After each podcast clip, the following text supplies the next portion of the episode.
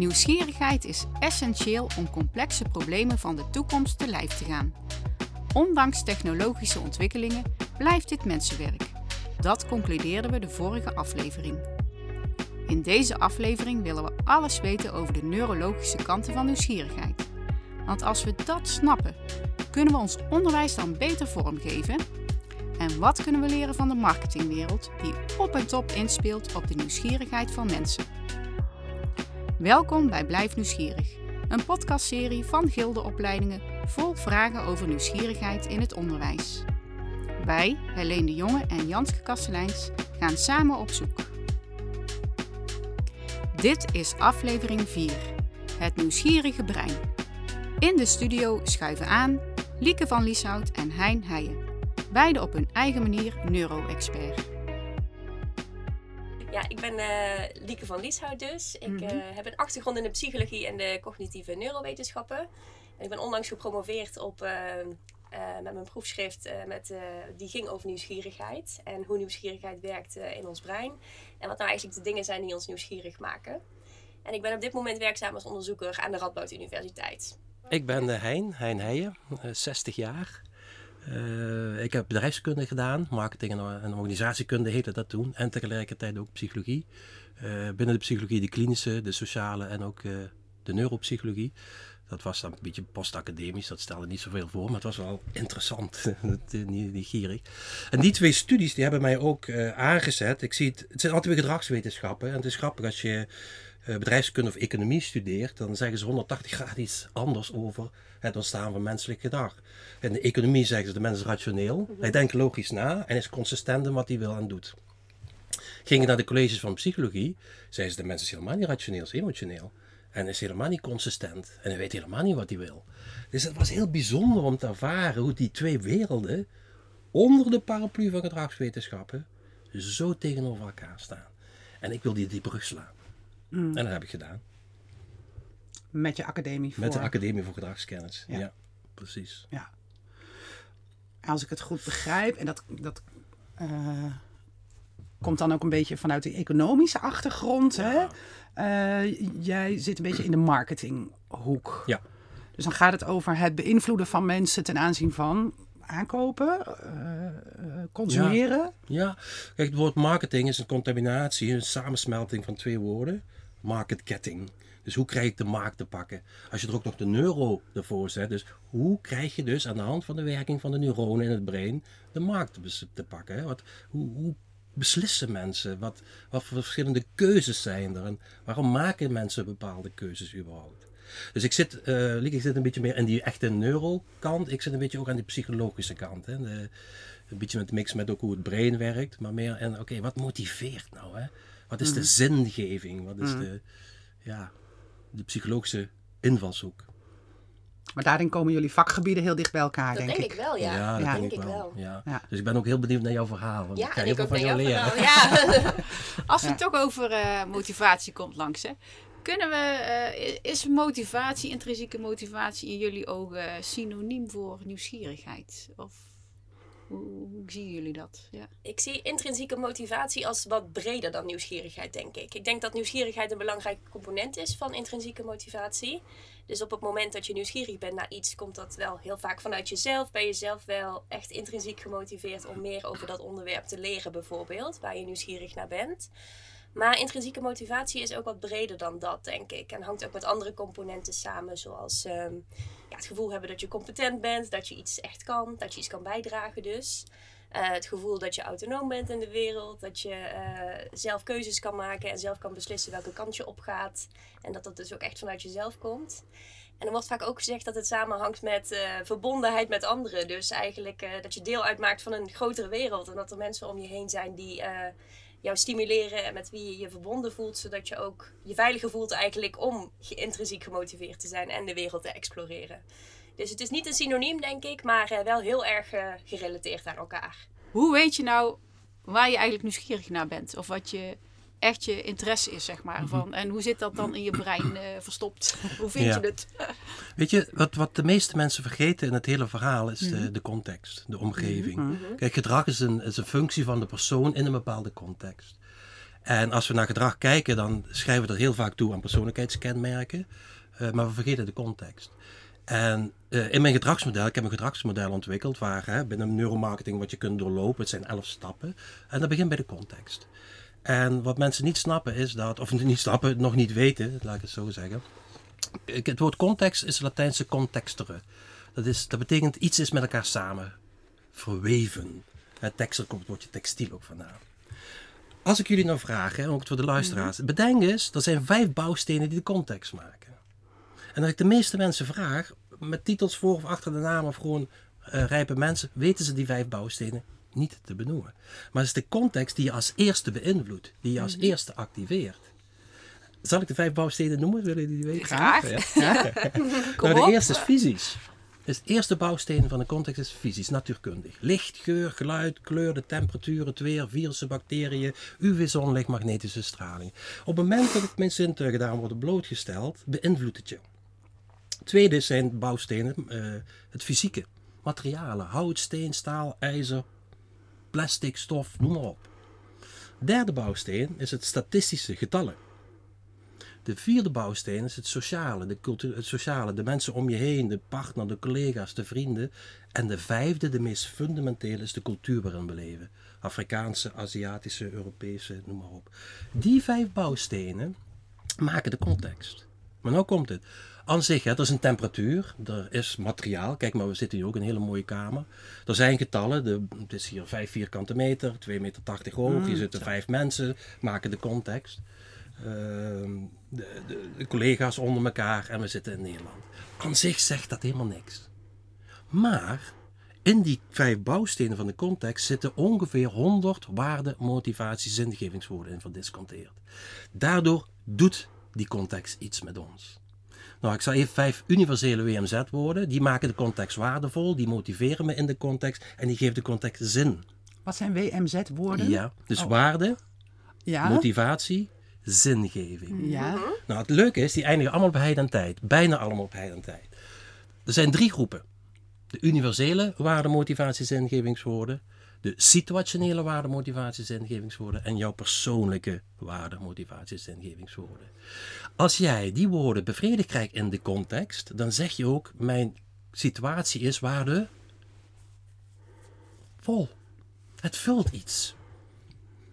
Krijg je die waarde niet bevredigd in de context, zeggen we letterlijk, mijn, mijn context, de situatie waarin ik verkeer, zeg maar zeggen, met de temperatuur, met de mensen, met het huis, is waarde loos. ja, nou hebben we hem. En loos betekent volgens de dikke van Dalen leegte. Mhm. En we worden geen kilo lichter als we het niet krijgen en ook geen kilo zwaarder als we die worden wel bevredigd krijgen. Dat is een vulling van de psyche dat haast niet te meten is. Dan zal ik die vijf universele markt even noemen. Dan ga je ook gelijk zien waardoor het komt dat uh, de corona iets met ons gedaan heeft qua gedrag. De eerste vijf waarden, motivatie, zingevingswoorden zijn vrijheid, veiligheid, gezondheid, intimiteit en luchtigheid. Wereldwijd streven wij ongeveer die woorden na. Krijg je de tegenhangers om je oren, dus geen vrijheid met beperking, geen veiligheid maar dreiging, geen gezondheid maar ziekte, geen intimiteit maar afwijzing, geen spontaniteit of luchtigheid maar starheid, ja, dan gaat de wereld stilstaan. En kijk wat corona met ons heeft gedaan. We voelden ons niet meer veilig, we voelden ons niet meer vrij, we voelden ons niet gezond, we mochten ook niet meer intimiteit uh, neerzetten. En iedereen had een kort lontje. Die woorden, de met hun tegenhangers, zijn de eerste aanzet tot gedrag, tot nieuwsgierigheid, tot leren. Vet hè? Oké, ja, ik, ja. ben er stil van, want ik zit wel meteen te denken, oh, wat doen we daarmee op binnen onze, hoe zie je dat terug in, uh, in opleiding en uh, als, hmm. in je werkomgeving? En, hmm. Ja, mag ik daar een antwoord op geven? Graag, ja. We, vergeten de context. Ik denk dat pas nieuwsgierigheid en interesse wordt opgeroepen als we de student, de leerling, of hoe je in een goede omgeving zetten. Dus niet saai op het katootje of in de, achter de tafel. Hoe saai is dat? ik wil naar buiten. Ik wil naar de plekken, als jullie me iets vertellen over wil ik naar de plekken waar het groeit en waar het is en waar het staat. Dan pas word ik geïnteresseerd en word ik nieuwsgierig en gaan mijn zintuigen in die omgeving die gaan bam openstaan. Mm. Dus als ik geschiedenis eh, wil leren, wil ik ook naar het kasteel waar dat gebeurd is. Mhm. En als ik Frans wil leren, wil ik ook naar een plek waar ze Frans praten. Ja. En Ja, dat ja. is leren. Want Ja. ik vind dat erop uit is natuurlijk echt wel actueel en daar gebeurt hè, het werkplek leren en et cetera. Maar die connectie met bijvoorbeeld dat je dat echt als een zintuigelijke eh, belevenis zeg maar ook duidt. Ja. Die, daar we het nooit expliciet over. Dus die vind ik wel eh, heel boeiend om daar, om daar echt over na te denken van prikkelen we echt al voldoende al die zintuigen mee dan zeg maar. eh. Want daar komt het ja, motivatie ook vandaan. Ja, hè? ja. Het Latijnse motivus. Dat wat mij doet bewegen. Het Engelse woordje to move is daarvan afgeleid. En een, een, een kleurrijke, dynamische, veranderlijke omgeving doet mij bewegen. En geen saai klaslokaal. Ik vond het Nee. verschrikkelijk. Ja. Ehm, Lieke, herken je wat hij zegt? Helemaal, helemaal. Ik werk natuurlijk aan de universiteit. En eh, je merkt, de druk ligt daar gewoon enorm hoog. Eh, studenten hebben een enorme prestatiedruk. Ehm, ze willen het heel goed doen. Ze willen eigenlijk allemaal cum laude afstuderen. Tenminste, bijvoorbeeld de master die ik heb gedaan was heel erg gericht op eh, het Presteren. selecteren van de beste studenten. En de prestatiedruk, inderdaad, die was gewoon echt enorm hoog. En eh, ja, wat gebruikten ze dan om eh, studenten te beoordelen? Cijfers. Gewoon, je, krijgt, je maakt een toets, je krijgt een 8 of een 9, dan was het goed. Een 7 of alles daaronder was eigenlijk slecht, zeg maar, voor de studenten. Zo, eh, zo gingen wij een beetje met elkaar om daar. En dan denk ik van, oh, de, de druk was daar zo hoog. En de, de, de extrinsieke factoren, zeg maar, die, eh, waarop je beoordeeld werd, die waren eigenlijk zo belangrijk of zo prominent aanwezig. Dat het heel moeilijk was, volgens mij, om intrinsiek gemotiveerd te zijn. En ook te blijven naar het lesmateriaal. Dus om nou echt een stapje extra te zetten en nog iets extra te willen weten. Want dat is niet waar je op beoordeeld wordt uiteindelijk. Dus ik denk met name aan de universiteit dat ehm, het eigenlijk eh, een, relatief ehm star systeem geworden is. Waardoor, waarin cijfers gebruikt worden om mensen te beoordelen. Wat eigenlijk heel erg de intrinsieke motivatie gewoon eh, ja, doodslaat letterlijk. En wat de nieuwsgierigheid ook heel erg eh, af laat nemen. Dus ja, probeer maar eens nieuwsgierig te zijn in zo'n omgeving. En je veilig te voelen. En al die basiswaarden zeg maar te, te voelen die jij ook noemde. Ja. Weet je, dat, het woord school, eh, etymologisch, komt eigenlijk van het oude Grieks en betekent Ja. vrije tijd. Ja? ja? Het is de vrije tijd. Oké, oké. Dus de, de, de, vroeger gingen, eh, Plato die ging bijvoorbeeld naar eh, de sportheld Academicus. Dat was een hele grote bekende sportheld in de Griekse eh, geschiedenis. Daar komt het woord academie ook vandaan. En hij ging daar doseren. En de mensen die vrije tijd hadden, die gingen daar spontaan ja. naartoe. En die wilden daar ja, educatie, hè, exit dukkeren met iets nieuws naar buiten komen. Ja. Die dynamiek, hè, een van de vijf waardewoorden, motivatie, zingevingswoorden is vrijheid. Het gevoel van vrijheid in het educatief systeem is weg. Precies wat jij net Ja. vertelde. Daar komt dat bam. En ik moet gaan presteren, want mijn identiteit hangt daarvan af. Hoe is het mogelijk dat een, een mens in 2022 zijn identiteit koppelt aan cijfers? Een 8, een 9 of een 10. Dan zitten we eigenlijk in het fundament al ergens iets fout te doen. Vrijheid in ons educatieve systeem. Het is en blijft een fundamenteel thema in deze podcast. Hein heeft het dus over context, zintuigelijke prikkels en emotionele ruimte die veelal onbewust onze mate van nieuwsgierigheid beïnvloeden. Hein vertelt hoe in de marketing volop gebruik wordt gemaakt van zintuigelijke contrasten om mensen ultiem nieuwsgierig te maken. Ik heb ontdekt Nou? dat, naarmate jij het contrast wie de zintuigen ervaart, nieuwsgierigheid ontstaat. Als er geen contrast is tussen dik en dun, rijk en arm, dom en slim, hoog en laag, of donker en is er geen bewustzijn. Dat, je wordt pas alert, dat zie je aan die, die N400-golf is dat geloof ik in het brein, eh, op het moment dat een contrast ontstaat. Dan word je wakker, hey. Ja. En dan verbazing zet Ja. aan tot nieuwsgierigheid. Dus dat is de confrontatie met iets. Met iets. En je zei net, we gebruiken dat veel in de neuromarketing. Dat gebruiken ze in de Ja, neuromarketing. Ja. ja. dat noemen ze de peripheral cue. Kun je eens een voorbeeld geven, eh, Hein? En wat- Ja, de ene, ik Ja? weet niet of jij dat voorbeeld ook kent van de Sony Bravia. Nee, het is- Sony Bravia, mag ik dat even vertellen? Zeker, Er komt in 2005 met een televisie op de markt, de, de de Bravia, de Sony Bravia. Bright Resolution Audio Visual Integrated Architecture. Dat is de acroniem van de Bravia. Nou, ze, ze doen drie spotjes. Eh, de eerste serie spotje zie je bijvoorbeeld eh, een hoogbouw. En in de grond hebben ze verfpotten gestopt. En per etage verfpotten gestopt. En die brengen ze tot explosie. Zo bam, bam, bam. Rood, geel, groen, paars, oranje. Het knalt door de scherm. Tweede spotje zie je allemaal konijntjes van klei. In alle kleuren. Die worden groot, klein. Komen uit de riolering van New York. En die huppen. En ze komen bij elkaar op de marktplaats. In een hele bonte kubus die dan draait. Maar dan komt er komt een derde spotje. Het derde spotje zijn 750.000 stuiterballetjes. Die schieten ze van de berg in Californië naar beneden. En die stuiteren zo op. In dat spotje zit een lucky shot. En dat is een kikker die uit de regenpijp springt. En op het moment dat dat spotje wordt getoond, gaat Sony 21 miljoen televisies verkopen. Dat is heel Nederland, half België, koopt plotsklaps een Sony Bravia televisie. Dus wat doen ze in marketing? Interviews, enquêtes, toch? Meneer, mevrouw, waarom denkt u dat dit spotje ervoor heeft gezorgd dat Sony plotsklaps 21 miljoen televisies verkoopt? Iedereen had een idee erover, maar niemand noemde de kikker. Totdat in 2010 onder een fMRI-scan en een EEG-scan werd gezien dat op het moment dat de kikker in het plaatje kwam, er een golfbeweging kwam die ervoor zorgde dat de verbazing en uiteindelijk de info meer werd opgenomen dan wanneer die kikker eruit werd genomen. Dus je gaat En dat is de- aan. Je gaat aan! Dat, dat is Onbewust eigenlijk. Ja. Ja, onbewust. Ja, en die golf, kijk, die kikker hoort niet in Ja, ja, de Californië. ja, ja. Dat is de peripheral cue. En daar gaat dat, hey, dat brein gaat aan. En op het moment dat dat brein aangaat.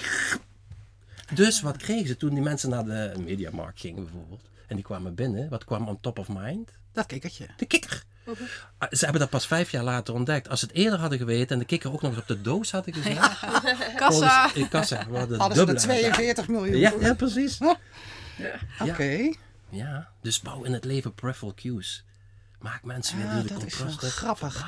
Ja. Ja, die contrast, die verbazing, maar ook Ja. die... Ja, ja. Ja. Want dat vinden wij best wel lastig. Hè? Van, eh, oh, we zijn echt wel helemaal into... Oh, de eh, student mag het vragen en komt met zijn vragen. En dan ben je ervoor ze, maar dan vragen ze niks. Even heel zwart-wit gezegd. en dan zijn we echt handelingsverlegen wel van... eh, Hoe dan ja, we nu? willen van alles met we neem Ja. ons mee, maar iets is nodig om eh, die wereld te ontsluiten of, of te Ja. verbazen of die eh, eh, Ja. geestdrift eh, aan te wakkeren. Standaard of, eh, programma eruit. ja, ja. Ja, dat proberen we dus heel erg. Eh, maar dan stuit je dus een beetje op wat Janske zegt. Dat, dat wij hopen en verwachten dat studenten met vragen komen. Dat ze zich ergens over verbazen. Eh, en dat blijkt in de praktijk heel lastig te zijn. En misschien, kan Ja. je, weet jij Ja, dat, hoe dat zit? Dat, eh, Ik denk dat het ook, ik denk, Ja. daar hadden wij het ook een beetje in de auto al over inderdaad, dat het heel belangrijk is om aan te sluiten bij het wereldbeeld van de studenten. Want het is heel moeilijk om ergens verbaasd over te zijn of om ergens door getriggerd te worden als het eigenlijk heel ver van je bed af staat. En als je eigenlijk geen idee hebt wat er te leren valt. En we hadden het net al even over Nederlands, dat het moeilijk is om studenten ehm, te laten zien van wat er eigenlijk te leren is en waar ze op dit moment staan. Dus letterlijk het, het gat in hun kennis is niet duidelijk voor de studenten. En het zijn juist de gaten in je kennis eigenlijk die triggeren dat je nieuwsgierig wordt naar iets en meer wil weten en dingen wil vragen. En op het moment dat dat gat er of niet is, of dat ze überhaupt niet zien wat er nog te leren valt, dan wordt het heel moeilijk, denk ik, om eh, studenten nieuwsgierig te maken. Dus eh, Maar wat hij net zegt, is dat die verbazing ook dus heel kort en onbewust ergens ingestopt kan worden. Ja. Ik zou bijvoorbeeld de leerlingen ook willen vragen. Hè? Want je, zit, je gaat naar school met een doel. Hè? Wat, wat is het einddoel? Hè? Ik zou mijn studenten ook willen vragen. Het eerste wat ik doe als ze bij mij komen studeren. eh, wil je rijk worden? Of wil je gelukkig worden? Of wil je succesvol worden? Wat, waarom zit je hier? Wat, wat, wat, wat is aan het einde, moet het resultaat zijn? En dan zegt iemand bijvoorbeeld, ik wil rijk worden. Oké, ik zeg, zal, zal ik je dat leren dan? Wil, wil je dat ik je dat leer? Ja, dan zeggen ze allemaal ja. Nou, dan kom maar. En da- dan zie je ook waar het woord leren vandaan komt. Van lira, het Griekse lira, een spoor volgen. het, is, het is een spoor, oorspronkelijk een, een spoor die opgetrokken werd door een ploeg. Dat is lira, en dat spoor volg ik. Dus als jij wil gelukkig worden, jij wil rijk worden en jij wil succesvol worden, gaan we drie verschillende sporen volgen. En dat is leren. En tot op heden zit in het leren denk ik maar één spoor. Mm. Ja. Ja, exactement. Is te weinig. Wij bepalen wa- wat, eh, wat, er- waar we aan het eind moeten zijn. En eigenlijk ook een beetje welke route we daarheen Ja, moeten Dus de nemen. betrokkenheid van de student is. Nul, Nul. denk ik. En dat was Ja. een van jouw hè, motivatoren, hè, Ja. de verbondenheid. Hè. Dan Ja. voel ik me, als ik betrokken ben, voel ik me ook verbonden. Mij verbaast het ook, hè, dat, dat toen ik in de klas zat, dat eh, ik les kreeg van mensen die eh 24-7 haast in die klaslokaal zaten. En ik wilde graag les hebben van mensen uit het bedrijfsleven. Ja. Eh, weet je, die, die, die nog warm eh, net eh, van zijn deal ter- terugkwam. En wat, wat is daar gebeurd? Wat ging mis? Wat ging goed? Ja. Maar de meeste mensen doseerden mij die zelf in een klaslokaal zaten en de buitenlichaams niet zagen. Dus de werkelijkheid niet zagen. En ze doseerden uit een boek. En een boek. Lees hoofdstuk 7. Ja. Ik wil, ik wil dat levensverhaal. En dan, hè, dat komt het narratieve ook vandaan. De Ja. nar bijvoorbeeld. Ja. Ja. dat was geen idioot aan de hof. Nee, dat was een verhalen vertellen. En als je verhalen vertelt Ja. en dan stopt daar die theorieën. En dan die emotie aantikken als Gaan ophalen. Ja. Ja. Dat herkennen wij allebei denk ik wel erg. Hè? Ja. Dat onze studenten die natuurlijk in opleiding zijn voor een beroep, daar zijn ze in de basis nieuwsgierig naar. Eh, als je zegt wat wil je weten, dan is die vraag te groot. Maar ze reageren altijd goed en positief op verhalen uit de praktijk, ehm, ervaringsdeskundigen, Ja. eh, werkbezoeken, stages vinden ze eigenlijk altijd leuk. Ik denk dat er altijd in eh, dit soort situaties eh, dingen te, te zien zijn waar je van kan leren. En die je op je eigen wereldbeeld kan toepassen. En ehm, dat mensen daarom nieuwsgierig zijn. Omdat ze echt direct de relevantie voor zichzelf zien. En dat is eh, denk ik ook heel erg belangrijk. Omdat jullie al zeggen van... Oh, onze studenten zijn vooral heel erg geïnteresseerd in eh, verhalen uit de praktijk. De stages, et cetera. Eh, dat zijn de dingen die uiteindelijk relevant voor ze gaan worden. Omdat zij dat beroep willen gaan doen. En dat zijn de dingen waar ze dus ook meer over willen weten. Dus ik kan me voorstellen als ze dan dat soort verhalen te horen krijgen... Dat het veel directer aansluit Ja. op hun, wat ze willen gaan doen en wat ze, wat ze Ja. interessant vinden. En dat dan vanzelf ook de vragen komen. Die wat specifieker gericht zijn misschien naar de mensen die dus dat beroep doen op dat moment. Mhm. En dat dan ook de nieuwsgierigheid en et cetera ehm, ja, ontstaat. Lieke studeerde af in 2015. Nog niet zo heel lang geleden dus. We zijn benieuwd wat haar triggerde tijdens de opleiding. Ging eigenlijk psychologie doen met het idee van, oh, ik ga mensen helpen, ik Ja. ga therapeut worden. Eigenlijk het klassieke beeld Ja. waardoor heel veel mensen aan psychologie gaan beginnen. Eh, maar toen kregen we het eerste breinvak en ik vond het zo interessant. Van, oh, het brein, tuurlijk, daar gebeurt alles in. Wat, wat dan en hoe zit dat dan? Dus dat was één kant van de zaak. Dus een En- confrontatie met iets wat je eigenlijk, mm, mm, waar je niet bewust van eigenlijk was. heel- Ja, precies, waar ik niet bewust van was en wat me ook heel erg verbaasde eigenlijk, dat ik dat eh, zo interessant vond. En daarnaast ook de onderzoeksvakken, omdat je in het eerste jaar wel al meteen heel praktisch een eigen onderzoekje op mag zetten Mhm. en meteen mensen mag gaan testen en dat op moet schrijven. En dat, dat vond ik zo interessant dat ik dacht van, oh, onderzoek doen, dat lijkt me leuk. En toen was die combinatie eigenlijk natuurlijk, eh, ja, eigenlijk de ideale Ja. keuze voor mij. Omdat het ook Ja. in Nijmegen best wel een eh, sterke focus ligt op de cognitieve neurowetenschappen, dus echt Ja. het breinonderzoek. Ja. Dus die keuze was vrij snel gemaakt, maar niet iets wat ik van tevoren had bedacht. Nou ja, jij, jij zegt vrij snel, Mhm. eh, maar je, je begint te meten vanaf het begin van je bachelor. Ik begin dan te meten inderdaad. Ja, daarvoor had ik geen idee. Precies, Nee, toen je twaalf was, had je geen notie. tuurlijk niet. Nee. Dus, dus je kon die keuze pas maken op het moment dat je meer kennis had. Ja, eigenlijk wel. Eigenlijk wel. Ja. Dus daarom, ja, het is wel goed denk ik om mensen met heel veel verschillende dingen kennis te laten maken. Maar dan ook, nou ja, vrij snel of op een bepaalde manier. Hoe precies het beste is, weet ik dan ook niet. Mensen wel de autonomie en de keuze te geven van waar zou je nou meer over willen leren? Welke richting zou je op willen? En ehm, ja, dat blijft natuurlijk heel lastig, die balans tussen de, de basiskennis en eh, keuze om ergens dieper op in te gaan. Dat lijkt me voor het onderwijs ook een hele uitdaging om dat op een Ja. goede manier te Ja, doen. en misschien zitten we dan op punt, hè, want ik ben, eh bij mij is een soort error ontstaat als we het hebben over eerste basiskennis. Hè, dan. Ja, Maar ik geloof wel in die beelden aanreiken. ja, dat. Be- Ja. eh, de wereld ontsluiten, beelden geven en, en dan meteen, eh, of liefst zo snel mogelijk bij die autonomie of die eh, drijfveren Mhm. uitkomen of Ja. die, die nieuwsgierigheid. En het doet me ook, eh, eh, misschien een raar bruggetje Hein, maar eh, op een gegeven moment heb jij het ook over taal. Hè? Van dat dat een beetje hoog in je brein ligt of in ieder geval oppervlakkig in je brein ligt. En wat je echt wil dieper of iets in die strekking zeg jij zeg maar. Ehm, Ja. wa- wa- wa- wat kunnen we of moeten we daarmee als we het hebben om die echt die innerlijke Ja. drive te vinden, zeg maar. Ja. nou jij slaat een heel mooi bruggetje, denk ik. Eh, wat mij ook fascineerde in mijn, in mijn zoektocht, hè, Ja. is het verschil eh, tussen het bewuste en het onbewuste. Ja. En niet zo vanuit de wereld van Freud, maar vanuit echt de, de wetenschap. Mhm. Ehm, als, je, als, je, als, je, als je bedenkt, hè, ik, ik pak het even in getallen, hè, dat het onbewuste 11,2 miljoen bits per seconde aan informatie verwerkt. Mhm. En het bewuste zo'n 60 bits. Als je dat eh, omzet in een iets tastbaars, eh, is 11,2 miljoen bits, kun je vergelijken met een boek van 400 pagina's per seconde. Heb je hem? Per seconde. Terwijl als je dat met de, de capaciteit van de bewuste, 60 bits, eh, zijn ongeveer 3 tot 4 woorden.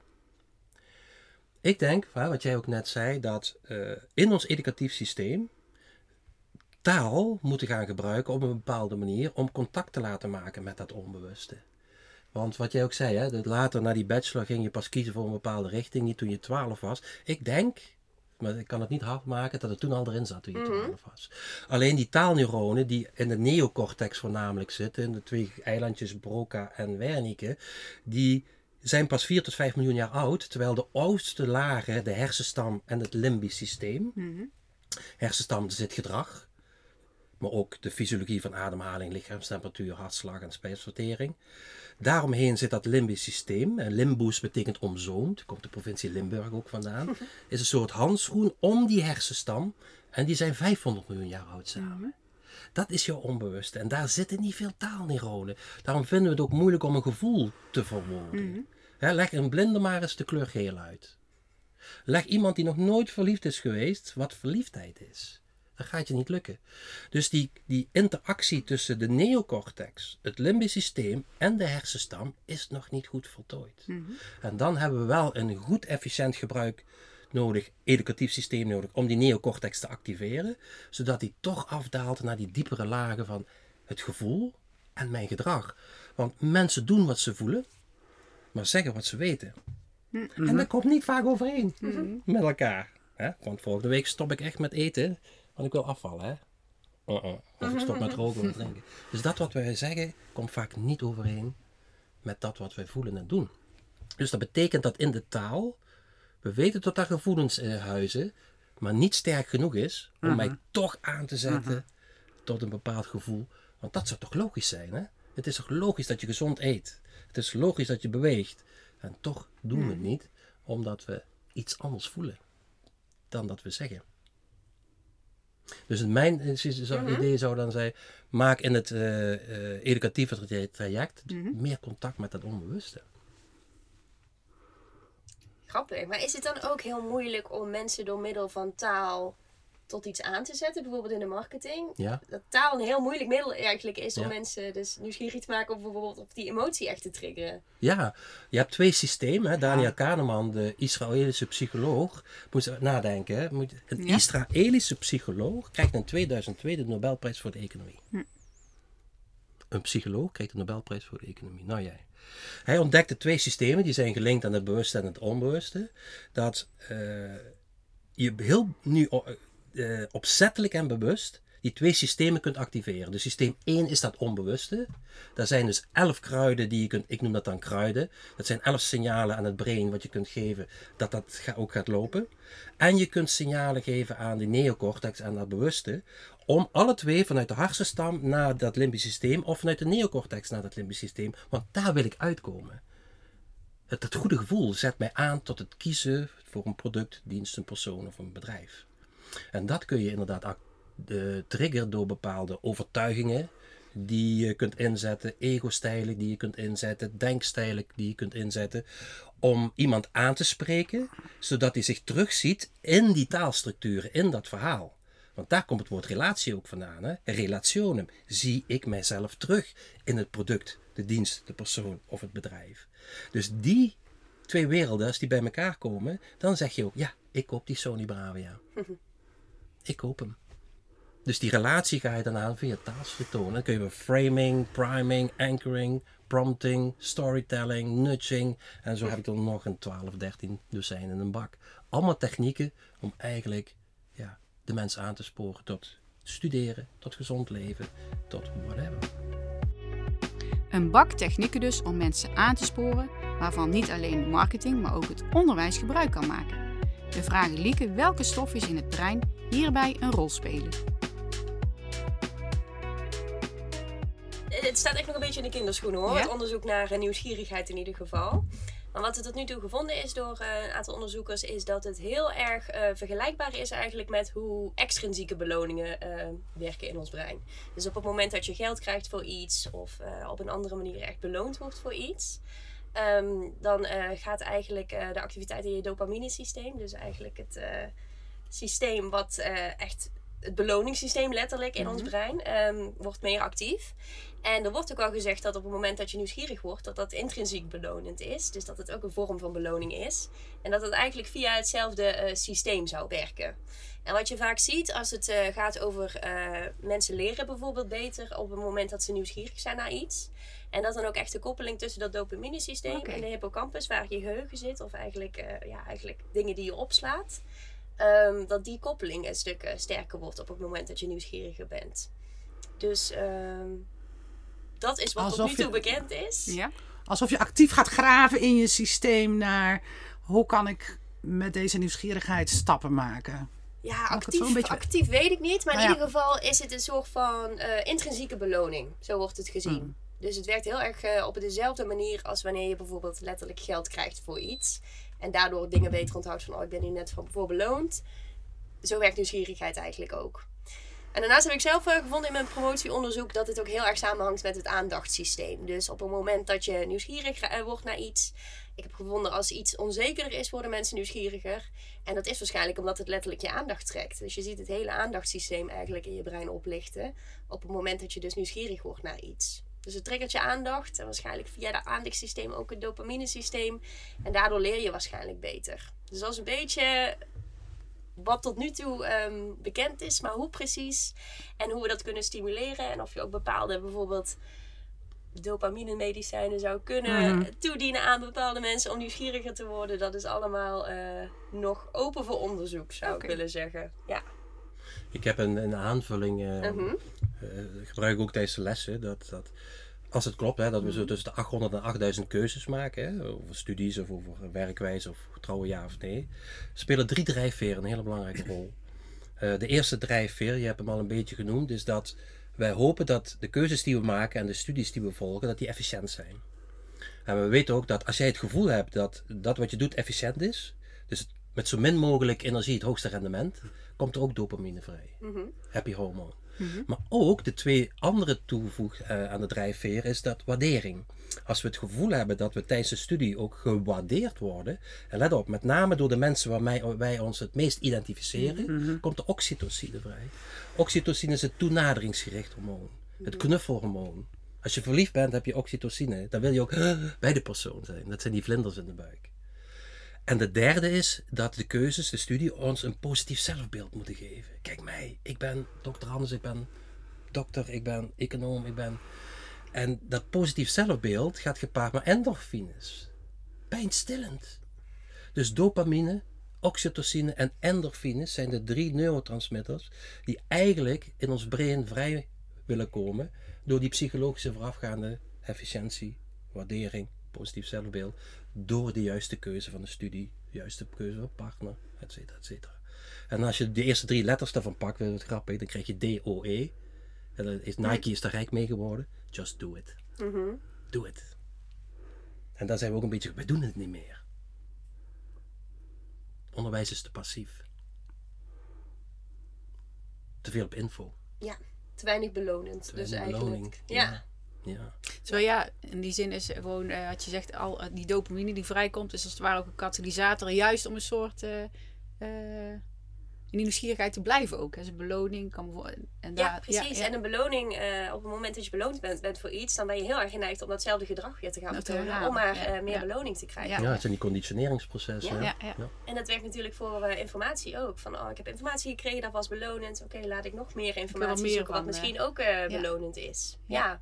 Dus ik denk dat dat heel erg op dezelfde manier eigenlijk werkt als eh, de meer klassieke beloningen, zoals eh, voedsel, geld, et cetera. Ja, we, we gaan in een vogelvlucht eh, eh, door allerlei aspecten die hier aan verbonden zijn. Hè. Het, is, het is behoorlijk complex.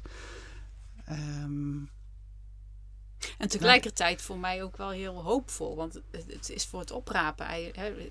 ja. Ja. Alleen is het minder goed misschien eh, uit te leggen of, of eh, per se tast. Maar daar gaat het nou net om dat we daar veel meer eh, naar die energie en emotie en zintuigen en beelden, Ja, verhalen mogen, fantasie. het- dan gaat het weer Ja, stromen. ja. Ik ben blij dat jullie dat zo... Nou ja, ik vind het eigenlijk heel helder. Ik snap Jawel, dat het jawel, jawel. divers is. Ja. Eh, Er zitten veel aspecten aan. er zitten veel aspecten aan. Maar je komt steeds inderdaad op hetzelfde weer terug. Precies. Ja. En dan is het heel simpel. Ja. Exit motivus. Maak ze weer emotioneel. Misschien, oh. misschien voor jullie, hè, voordat wij ook even bedenken van, oeh, wat komt er allemaal? Ik denk dat wij eh, deze dag nog nastuiteren, schat ik zo in, nog, het allemaal tot ons komt. Maar nu spreken jullie nog even. Eh, als jullie nou eh, een, een paar eh, gouden tips, zeg maar, of je ideale school of eh, omgeving mogen creëren, dan hoe ziet die er dan uit?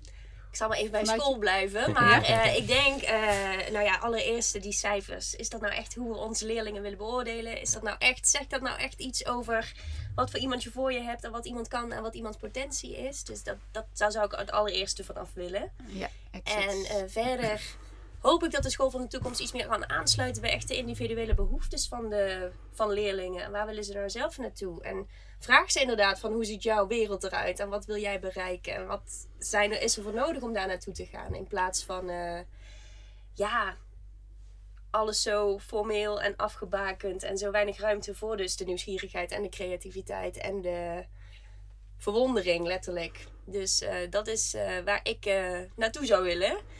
Ik denk wel eh, dat het eh, lastig is om dat concreet te maken en om het ook op grote schaal zeg maar, te implementeren. Want dat is natuurlijk waar iedereen tegenaan loopt. Eh, er is gewoon heel weinig capaciteit, weinig docenten, weinig aandacht eigenlijk voor individuele leerlingen. Dus ehm, dat gaat een hele uitdaging worden, denk ik. Maar ik denk zeker dat er al ook in het huidige onderwijs echt wel stappen kunnen gezet worden richting meer nieuwsgierigheid en minder formele criteria, letterlijk.